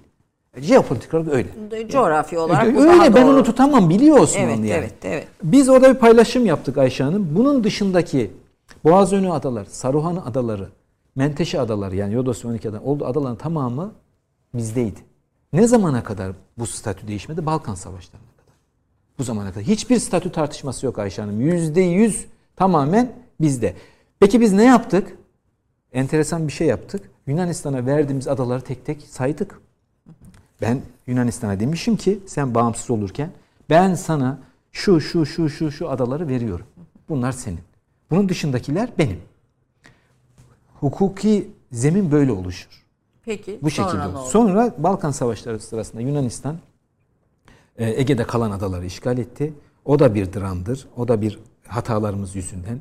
Bir tane gemiyi alıp bir tane Avrov gemisi neredeyse bir Avrov gemisi yüzünden koca adaları e, kaybettik. Ayşe Hanım ben adalardaki telgrafları yayınladık biz. Oradaki kaybedilirken insanların çektiği telgrafları içiniz e, kaldırmaz. Okuyamazsınız. Okuyamazsınız. Bu öyle. Bora meselesinde bile Ya- zor yani yani. bu- Öteki o- hiç okuyamazsınız yani. O insanlar çünkü devlet bunlar devlete müracaat etti. Biz buradan taşınalım mı? Bizi koruyacak mısınız diye devlete. 1912. Devlet kesinlikle taşınmayın. Biz güçlüyüz. Sizi koruyacağız dedi. Koruyamadı. Sonra da gitti. Peki. Ee, Sonra bir, e, Balkan Savaşları'nda Yunanistan işgal etti. E, Rodos ve 12 ayda da İtalyanlar işgal etti. Alt kısımları. Statü bu şekilde oluştu. Uluslararası e, statü. Sonra Birinci Dünya Savaşı Ayşe Hanım. Birinci Dünya Savaşı sonrası e, biz mağlup olduk. Anlaşmalar e, ve Lozan'a e, mesele geldi. Lozan Anlaşması'nda e, biz e, Rodos ve 12 adayı ve diğer adaları isimleri belirtilmiş adaları e, statüsünün devrini kabul ettik. Öyleydi. Öyle. Zaten işgal evet, altındaydı. evet. Yani bu yani bir devlet Tabii. kuruyorsun. Zaten e, politik olarak sizde değil bunlar yani işgal edilmiş adaların statüsü İtalyanlar Uşi anlaşması yaptık zaten verdik biz onlara. Ondan sonra Atina anlaşmaları var. Bir sürü anlaşma var. He, anlaşmalarda Osmanlı şunu yapmış. Hep bir şey bırakmış. E, hukukumu korurum. E, e, böyle şeyler var ama neticede yani zan- uluslararası anlaşma bağlayıcı ya ve siz o verilmiş. ha, onun karşılığı bir şey yapabileceğini düşünerek yapmış. Yani bir askeri bir şey yaparsam elim güçlensin. Ama yapamadı, olmadı. Yenildin işte neticede. Ee, Lozan'da bir statü belirlendi, kabullendik. Fakat burada ne var şimdi Lozan'dan sonra? İsmi belirlenmiş adalar var. İsmi belirlenmemiş adalar var. Siz konuşmamızın başında söylemiştik. bir şeye sahip olabilmeniz için onu uluslararası hukuki bir e, belgeye dayandırmanız gerekir. Bunu ispatlamanız gerekir. Biz şimdi onu Türkiye onu sorguladı hep e, karşısında muhatabında. Bana bunun sahip olduğuna dair hukuki şeyleri ortaya çıkar. E çıkarılıyor ama orada e, isimler belli. Bunun dışında kalanların statüsü tartışmalıdır.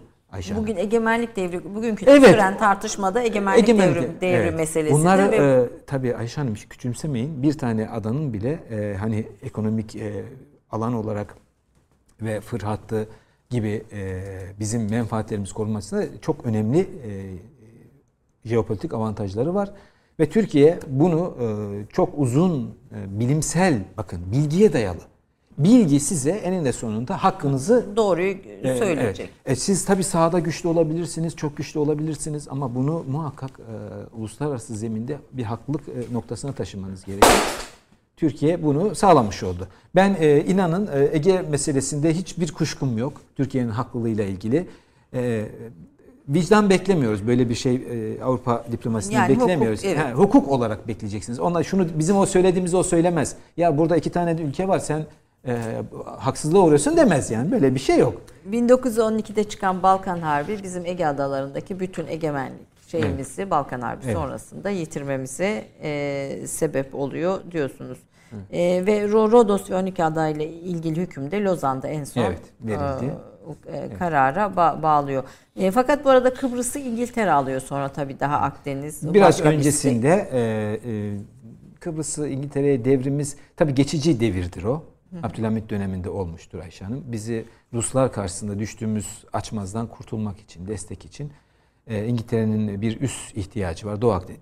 Ayşe Hanım her şey Doğu Akdeniz'de e, şekilleniyor. 19. Bence de şimdi de öyle. E, hiçbir deniz Doğu Akdeniz kadar değerli değil. Jeopolitik özelliği yok. Yani bu kadar küçük olup bu kadar büyük etki eden başka bir su kütlesi yok. Ve şükürler olsun ki yine Doğu Akdeniz'deyiz. Doğu Akdeniz'in bir parçasıyız. Çünkü dünya güçler dengesinde Doğu Akdeniz'in rakibi yok.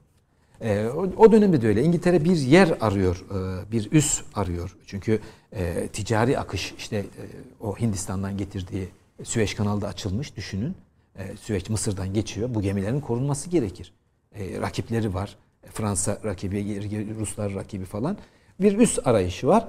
Bu üs arayışını bizim bu e, zor durumumuzda çok ağır e, Ruslar e, Bakırköy'e geldi Ayşe Hanım. Ye- Yeşilköy'e Yeşilköy. geldi. Yeşilköy'de gümrük var biliyor musunuz siz? Evet, evet. Ne kadar acıdır o belgeleri bir inceleyin. Yeşilköy gümrüğü diyor. Çok e, yani imparatorluk algınıza bakın. Balkanların en ucuna kadar topraklarınız var ama Yeşilköy'de gümrük var. Evet. Çok o insanlar çok travm e, Büyük acılar, travma. Acılardır yani. Mübadelede e, kaç kişi e, e, bu tarafa geliyor, kaç kişi Yunanistan'a gidiyor? E, bin- e, şeyden sonra Cumhuriyet döneminde Evet. mi? Ayşe Hanım rakamları tam e, hani Ama söyleyemeyeceğim. sizin notlarınızda 500 bin Evet. e, Müslüman e, Türkiye yani Cumhuriyet Anadolu toprağına geliyor. 1500 de Evet. 1 milyon 500 bin de Evet. Yunanistan'a Ya gidiyor. şimdi rakamlar sürekli değişebilir. Şimdi ben kendim de bir Burada rakamlar nasıl veriler? Ee, yani rakamları arşivlerden teyit Evet. ediyorsunuz. Diyorsunuz ki mübadelede Yunanistan'dan 500 bin kişi Evet. geldi. Oraya 1,5 milyon kişi gitti. Evet. Ee, yani bu sizin e, kitapta e, Evet. yazdığınız Şimdi şu şey. şu açıdan söylüyorum. Ben mesela mübadeleyle ilgili, midilli ile ilgili çalışmıştım. Ee, Bu söylediğimiz rakamların dışında e, rakamlar da oluşuyor. Hani net bir rakam söyleyemeyeceğim için söyledim ama 500 bin civarı diyelim.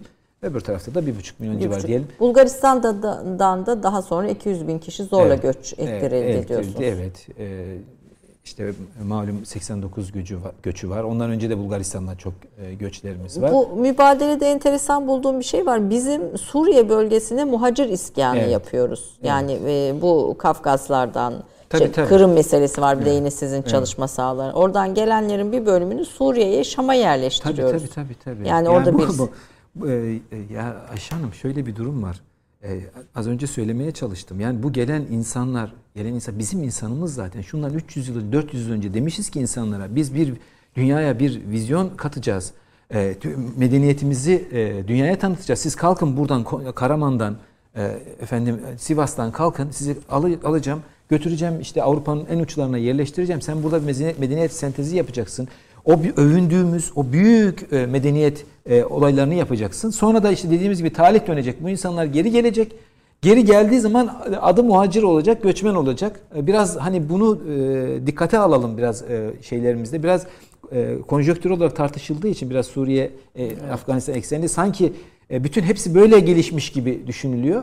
Buradan Anadolu'dan gönderdiğimiz insanlar asırlar sonra kendi yurtlarına, vatanlarına geri dönmüş yani oldular. Yani biz e, o dönem bir hayli de 1898'den sonra hele Adana, Konya, Ankara, Beyrut, Hı. Bingazi, tabii. Karahisar'ı e, tabii, tabii, tabii. ondan Aydın, e, Suriye, Şam, Halep'e bir sürü muhacir yerleştirmişiz. Tabii, tabii. Bu 93 e, Rus Harbi'nden sonra Har Kafkaslardan Bilhassa. gelen, Kırım'dan Bravo. gelen muhacirleri oraya göndermişiz. Orada iskan etmişiz. Bir iskan evet. politikası da oluşmuş galiba değil yavaş mi? Yavaş yavaş Kırım Harbi'nden sonra oluştu. Devlet Şimdi artık... reklamlardan sonra evet. da biraz bunu konuşalım iskan politikasını. Efendim kısa bir aradan sonra buradayız. 30 saniye reklam arası. Türkiye'nin tek haftalık haber dergisi Gerçek Hayat, gündemi yakından takip ettiği dosya ve röportajlarıyla her pazartesi okuyucusuyla satış bayilerinin raflarında buluşuyor. Gerçek Hayat artık sayfalardan dijitale taşıyor. Sayfalara sığmayan yazılar, röportajların perde arkası, interaktif içerikler. Gerçek Hayat artık size daha yakın. Tüm içeriklerden ilk haberdar olmak istiyorum diyenler. Gerçek Hayat, GZT'nin sosyal medya hesaplarına davet ediyor. Reklam arası sona erdi. Efendim Türk kahvesinde Türk denizcilik tarihini en, en iyi e, e, kitaplarla bize aktaran isimlerden birisi Ali Fuat Öğrenç e, konuğum, değerli bir hoca. E, hocam biz kahveden çaya geçtik. Evet. E, bu denizcilik tarihi çalışırken çalışmanın ayrı bir şeyi var tabii. Ayrı bir bir jeopolitik, bir coğrafya çalışıyorsunuz evet. herhalde derin olarak. E, biraz buradan böyle bir hani konuya bir e, ufak kişisel parantez açayım. Öğrencilerinize ne tavsiye edersiniz bu konuda çalışmak isteyenlere özellikle? Ve de çalıştığınız sahanın gördüğüm kadarıyla uluslararası ilişkiler, hukuk filan bir sürü boyutu da var coğrafyanın Kesinlikle. yanında. Kesinlikle. Şimdi e, denizcilik reel bir konu. Yani hangi aşamasında çalışırsanız çalışın muhakkak günümüze tesir eden bir e, geçişkenliği var. Daha doğrusu denizcilik alanında biriktireceğimiz her türlü tecrübe bizim muhakkak önümüzü aydınlatacak. Net. Çünkü coğrafyamız böyle, jeopolitimiz böyle. Biz bir denizci devletiz artık Ayşe Hanım. Bunu Yıllardır bunun için uğraşıyorum. Uğraşıyorsunuz. Peki nihayet bunu bu konuda ger- gerçekleşti. 950 yıl oldu denizcilikle ilgili altyapı kuralı burada Anadolu. 950. Bin yıllık neredeyse. Bin neredeyse bin. Artık tarihin. denizciyiz artık. Yani şu sırtımızı dönmeyi bırakalım. Peki bunu çalışan öğrencileri özellikle evet. Özellikle tabii e, denizcilik alanına e, tavsiye ediyorum. Fakat e, zorlu bir alan. Sadece yaşadığım bir şeyi söyleyeceğim Ayşe Hanım. Yani 10 yıl diyorsunuz sadece Ege Adaları evet. üzerine çalıştım. Yani evet. çok uzun sabır çok isteyen. Çok uzun süre bir şeye daha çalıştım mesela. Yaşadığım e, biraz gülünç de bir konu, durum. E, Abdülhamit'le ilgili de çalışıyorum ben. Abdülhamit'le ilgili onun dönemiyle çünkü önemli bir dönem teknolojik olarak kırılma dönemi, geçiş dönemi. Bugüne çok yansıyan yönleri Olaylar var. var. Tabii. Özgün üretim açısından falan. Ayşe Hanım bir kanaat var. Üç harf, üç kelimeden oluşan bir kanaat. Abdülhamit donanmayı çürüttü. Üç, bakın üç kelime. Ömrümü verdim bunu değiştiremedim ben. Bu kanaati değiştiremediniz. Peki sizin çalışmalarınızdaki ha, bulgu gidiyorum. neydi? Yani siz... Yok böyle. Bu yani artık gülmekten konuşamıyorum. Bilimsel olarak bütün bunları ortaya çıkardık. Yıllardır çalışıyorum. Böyle bir şey yok. Uzun uzun anlatabilirim size. Bütün her şeyi anlatabilirim. Anlatıyorum da, yazdım da. Fakat bu slogana biz yeni ne yaparsanız yapın arkamı dönüyorum bir daha yüzümü dönüyorum bu üç kelime yine karşıma çıkıyor. Çok zordur. Bunun sebebi denizcilik kültürünü tam olarak halen daha bir karacı şeyi var bizde.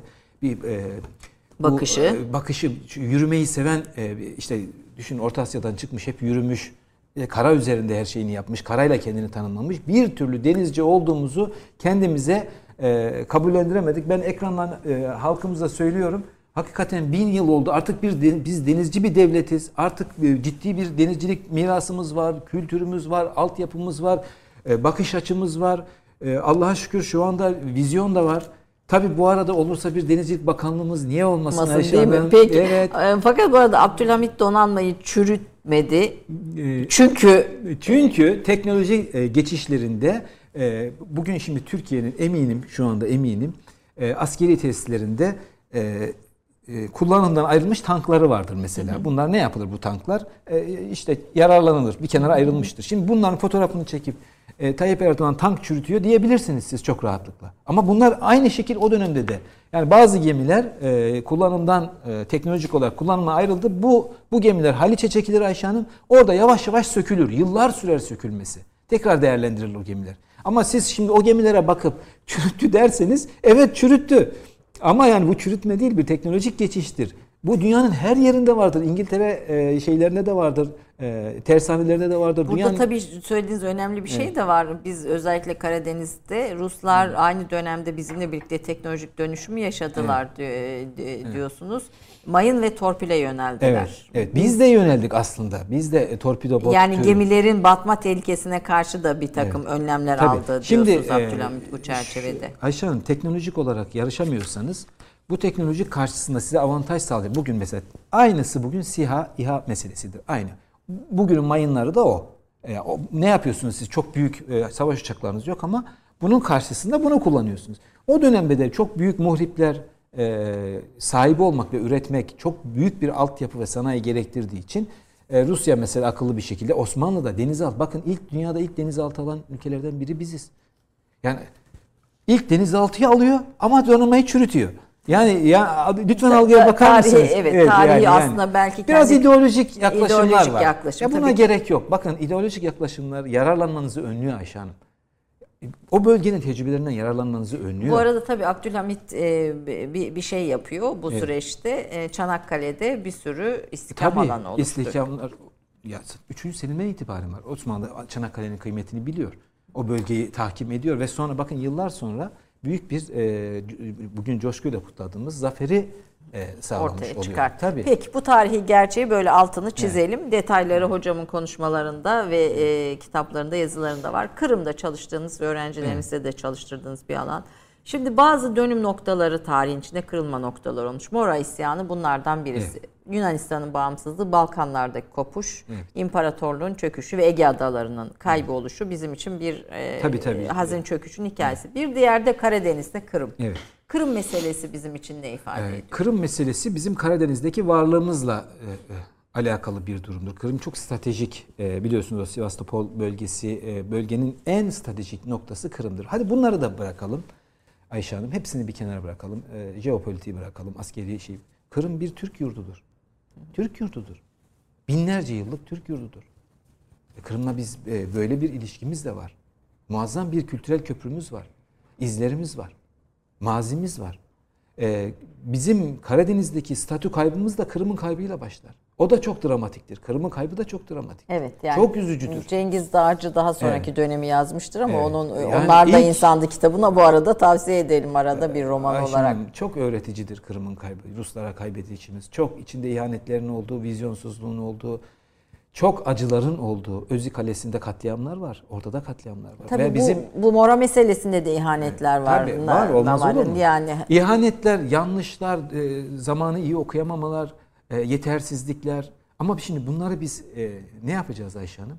Bunlara kız kızmayacağız. Bunlardan biz e, ders, ders çıkarmamız Kırım lazım. meselesi bize Karadeniz'de evet. nasıl bir stratejik şey kaybettirdi? Evet, e, az e, konuşmamızın bir ilerleyen kısmına söylemiştim. Bir iç denizde e, padişahlar oraya hiçbir bayrak sokmazdı. O kadar içselleştirmiştik yani Karadeniz. Karadeniz bizim kendi bir e, kendi arka bahçemizdeki bir havuzumuz gibiydi. Doğal olarak Karadeniz ticaretini de düşünün. Bu sadece Osmanlı dönemi de değil.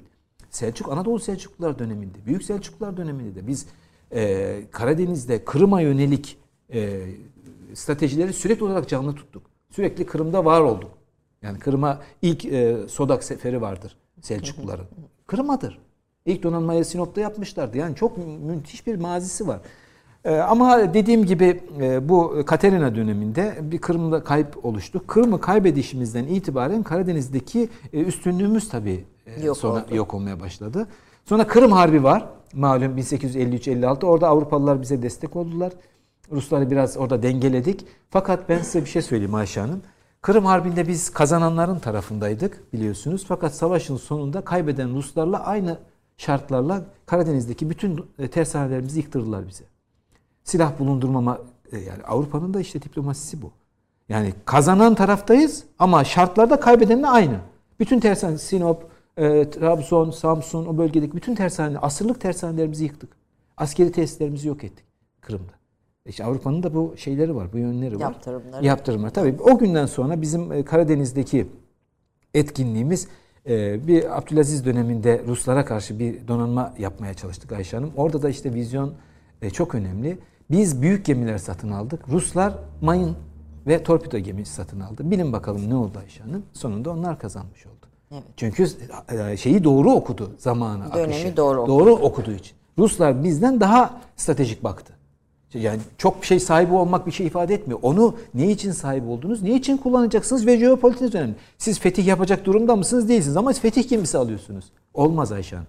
Evet. Yani, peki. evet. Bu tarihi hatalar e, büyük e, kayıplara sebep oldu. Tabii. E, Kırım'dan e, muhacir meselesi Kırım Evet. göçü de önemli bir şeydir ve ne kadar Kırım'dan yaklaşık olarak bir 200 rakam 250 bin Kırım tarafından e, muhacir, Muhacir, var. Osmanlı, aynı dönemde tabii geldi. aynı dönemde Balkanlarda da var. E, ilk büyük kitlesel e, göç e, hadisesini Kırım'la yaşadık biz Kırım Harbi'nde. Ruslar çünkü hem Kafkas'a Kars'a kadar geldiler. Öbür tarafta da Edirne'ye geldiler Ayşe Hanım. Yani Rusların iki şeyi vardır. Daima 93 Harbi'nde de aynısını yaptılar. Bütün savaşlarda aynısını yaparlar. Birincisi Tuna üzerinden Edirne'ye gelirler. Öbür tarafta Doğu Anadolu üzerinden ya Kars'a ya da aşağı Kürt bölgesine inerler. Hep rotaları bellidir. Bu tabii bu e, alan içerisindeki bütün karşılaştığı unsurlarla da etkileşime girer. Mesela Ermenilerle böyle etkileşime girdiler. Tabii 93 Harbi sırasında Ermenilerle tanıştılar, şey yaptılar. e, Bir e, vizyon birliği oluşturmuş oldular. Yıllarca da devam etmiş oldu. Dolayısıyla muhacir, büyük muhacir göçünün ilki Kırım Harbi'nde. Ondan sonra Osmanlı Devleti bu işin artık toplumsal bir sorun olduğunu da anlayıp kurumsallaşmaya gitti. Muhacirin komisyonları kurdu. E, bir iskan politikası İskan oluştu. politikası oluşturdu. Bu çok e, zaten biz e, millet olarak hakikaten herkese kucak açtığımız için biliyorsunuz Yahudilerden Evet, itibaren. Ya buna milletimiz, halkımızın bir şeyi var. Bir de bu arada bu Mora meselesini de unutmayalım. Onu da e, söyleyelim. Sadece Müslümanlar değil, Yahudiler, Yahudiler de de. aynı bizimle birlikte aynı Katledildi. Tabii kat- tabii. Yani katliam din, din şeyi oldu Evet. zaten oradan belli. Evet. Yani Peki. Tekrar dönelim. Evet, e, bu e, Kırım Harbi'nde başlayan e, sistematik, devletin sistematik e, e, muhacir yerleştirme e, e, politikası 93 Harbi'nde daha tabii üst seviye. E, şöyle güzel bir şey var. E, şimdi dramdır Ay, Ayşe Hanım. Yani Göç, yani evinizi, barkınızı, doğanızı, ya ikliminizi bu bırakıp şimdi e, gidiyorsunuz. insanlar tabii bunu e, gerçekten anlamak çok zor. Bizim insanımızın maalesef en son şu hatayı yaptık. Bu Balkan Harbi'nde gelen göçmenlerin hikayelerini biz e, şey yapamadık. Şurada 40-50 yıl önce bunlar sağdı bu insanlar. Evet, şimdi o nesil kayboldu. O nesil kayboldu. E, o nesil konuşmayı sevmiyor Ayşe Hanım. E, konuşmuyorlar. Çünkü o acıları e, kendi çocuklarına e, aksatmamak için. Onu yaşayan bilir zaten. Göçmenlik çok zor bir şeydir yani. Çok Evet. zor bir şeydir. Evet. Bakın burada bir tane şehir değiştiriyor insanlar. Bir e, ev taşıyor. Bütün hayatları alt üst oluyor. travma yaşıyor. Kaç bin e, ya da kaç milyon göçmen tahmin ediyoruz muhacir o dönemde? Bizim- yani Kafkasya'dan, Balkanlardan, Evet, Yunanistan'dan. şöyle söyleyeyim. E, Türk toplumunun yüzde 40'lık kısmı şu andaki Şu anki nüfusun göçmendir. göçmen, muhacir. Evet, muhacirdir.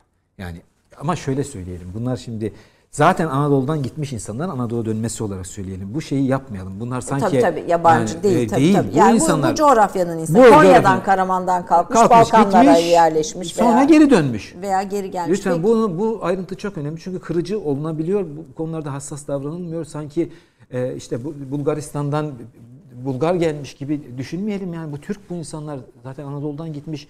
Tü- Türklük hedefi için bakın Kızıl Elma için senin bütün ideallerin için gitmiş bu mücadeleler vermiş fedakarlığı yapmış kader bu talih Evet peki Evet, yani. bu gelen insanlara yönelik bir iskan politikası da ciddi bir iskan politikası var. En başarılı dönemini de Abdülhamit'te görüyoruz. Gerçekten çok e, zaten Hamidiye şeyleri vardır ismiyle çok e, Evet. köy vardır. Kendi ismini verir. E, iskan etmişti. Tabii gelen insanlar gelenleri bir e, e, şeye göre mi işte uğraşlarına Tabii göre tabii tabii tabii. böyle- Mesela Samsun yöresine tütüncülükle Makedonya'dan tütün yapan aileleri yerleştirmiştir. Ee, Çerkez e, gelen Çerkezleri e, yine kendi e, tabiatlarına uygun e, yerlere e, zaman zaman hata da yapılıyor. Mesela Çerkezleri e, şeylere yerleştiriyorlar, ova yerlere. Bunlar yüksek yerlere alışık olduğu için ölümler oluyor. Sivrisinekten falan hiç vücutları bilmediği için sırt, tabii dirençli değil. Sonra e, işte yükseklere taşınıyorlar. E, yani onların mesleki e, Yunanistan'dan gelenleri Ege'ye yerleştiriyorlar. Çünkü orada Bağ, bağcılık. e, ve zeytin olduğu için. Yani devlet bunları artık planlıyor. Şeyi yapıyor. Tabii ama kontrolsüz göçler de var.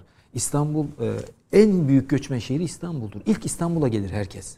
E, İstanbul'un camileri, sokakları Samiha Ayverdi'nin Mesih Paşa He, imamı yani, bir şeydir. Bunu evet. anlatır evet. Böyle çok e, İstanbul e, asırlardır bu şeyle böyle dalga dalga yaşamıştır. Müthiş de bir tecrübesi vardır İstanbul'da. İnanılmaz bir tecrübesi vardır. Onu yönlendirir, sevk eder, şey yapar. E, bunların hepsinin altından kalkmıştır. Çoğu millet kalkamaz Ayşe Hanım. Ama burada şu var. Bizim milletimiz de yardımcı oluyor. Milletimiz de bunun farkında. Yani e, şeye e, kucak açma e, anlayışı bizde var bu. Yani konjektür olarak zaman zaman hani belli tepkiler oluyor ama öyle bakmayalım. Yani tarihten itibaren milletimiz bunları sorun etmiş, gelenleri işte dışlamış falan değil. E, o insanların e, ne için geldiğini, ne olduğunu milletimiz biliyor, kucak açıyor ve devletine yardımcı oluyor.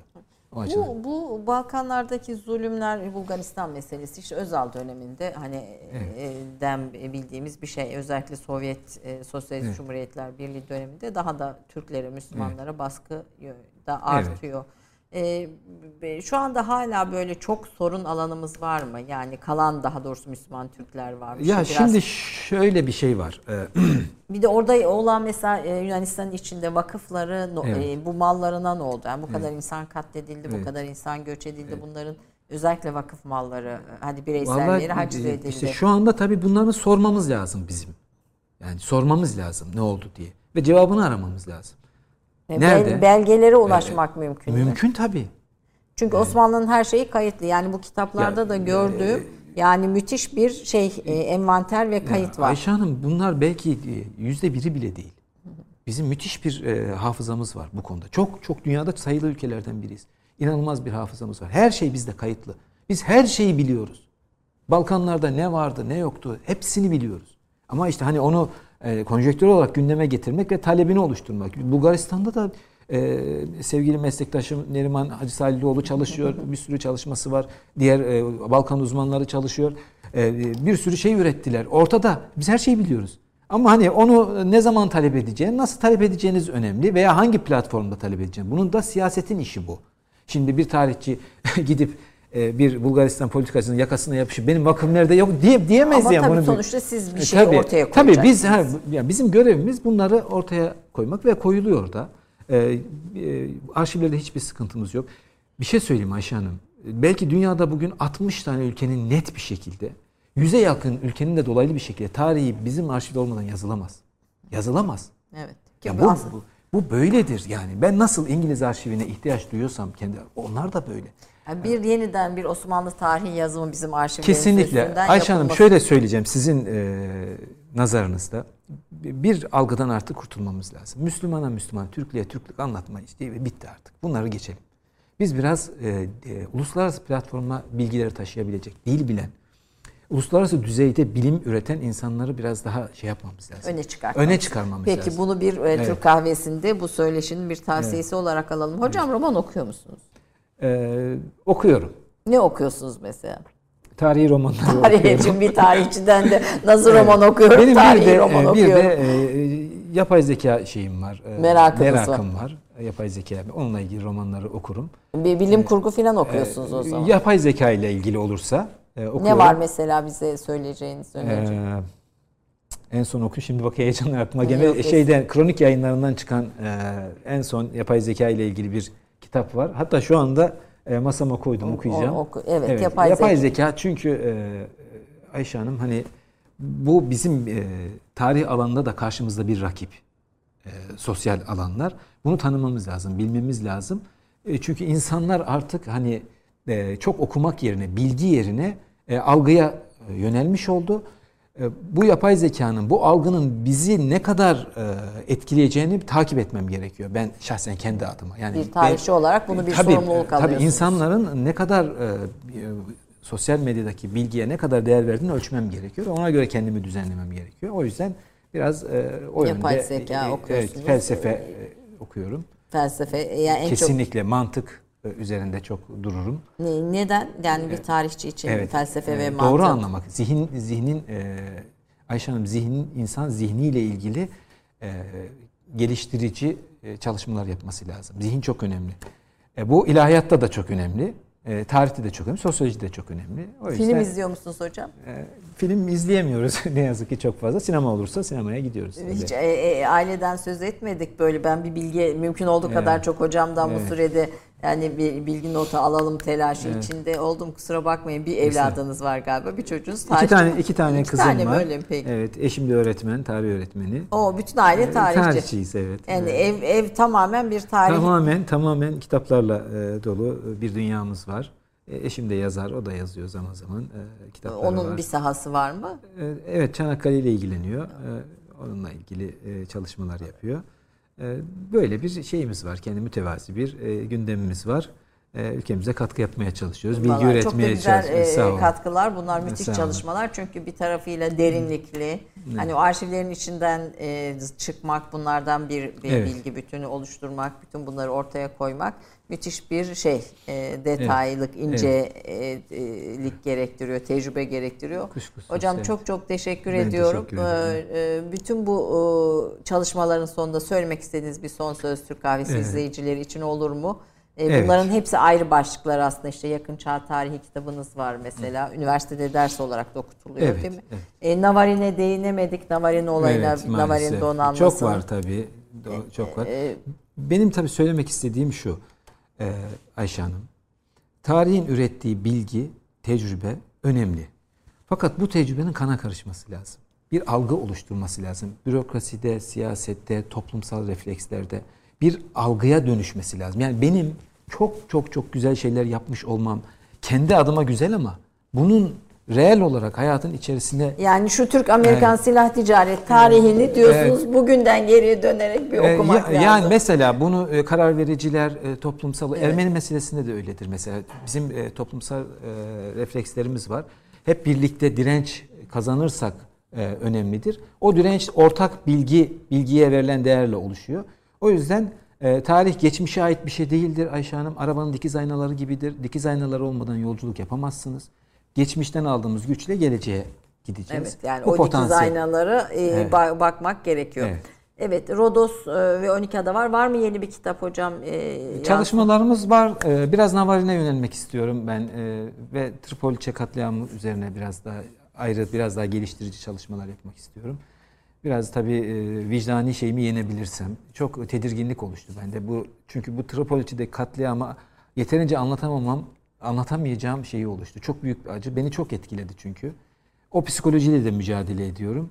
İnşallah o özgüveni bulursam o konuyu çalışmak İnşallah hocam istiyorum. bütün bu İnşallah. çalışmalar bize bir tarihi yeniden Evet. hatırlatmak ve o günde olan aktörler bugün de dünya sahnesinde. Tabii, yani tabii. Navarin diyorsunuz Fransa'nın e, bin bir oyunu ve ihanetiyle koskoca bir Osmanlı donanması yok ediliyor yani Evet. tamamen yok ediliyor. Sadece Fransa değil, İngiltere, Fransa ve Rusya. E, Rusya Üçü. o üçü de var Üçü ama hani. Fransa Tabii, orada bir tabii. oyunla Oyun hani yapıyor, oy- evet. oyun yapıyor Fransa'nın oyunuyla yok ediliyor. Yok ediliyor. E, vaktimiz varsa çok kısa hocam onu da anlatırsa aslında e, maalesef vaktimiz Evet. bitmiş. Peki bunu da efendim hocamın e, eserlerinden, yazılarından, makalelerinden, kitaplarından okuyarak telafi edebiliriz. Tekrar çok teşekkür ediyorum. Çok bahtiyar olduk. Bir Teşekkür denizi, bizi Evet. kuşatan bir Evet. denizin e, Evet. içinde olan e, son dönem gelişmelere ilişkin en azından bir e, fikrimiz oldu, bir bilgimiz oldu. Çok teşekkür ediyorum. Ben hocam. teşekkür ederim. Ee, Herkese Ağzınıza hayırlı günler sağlık. diliyorum. Sağ olun. Peki haftaya bir başka konukla görüşmek üzere. Hoşçakalın efendim.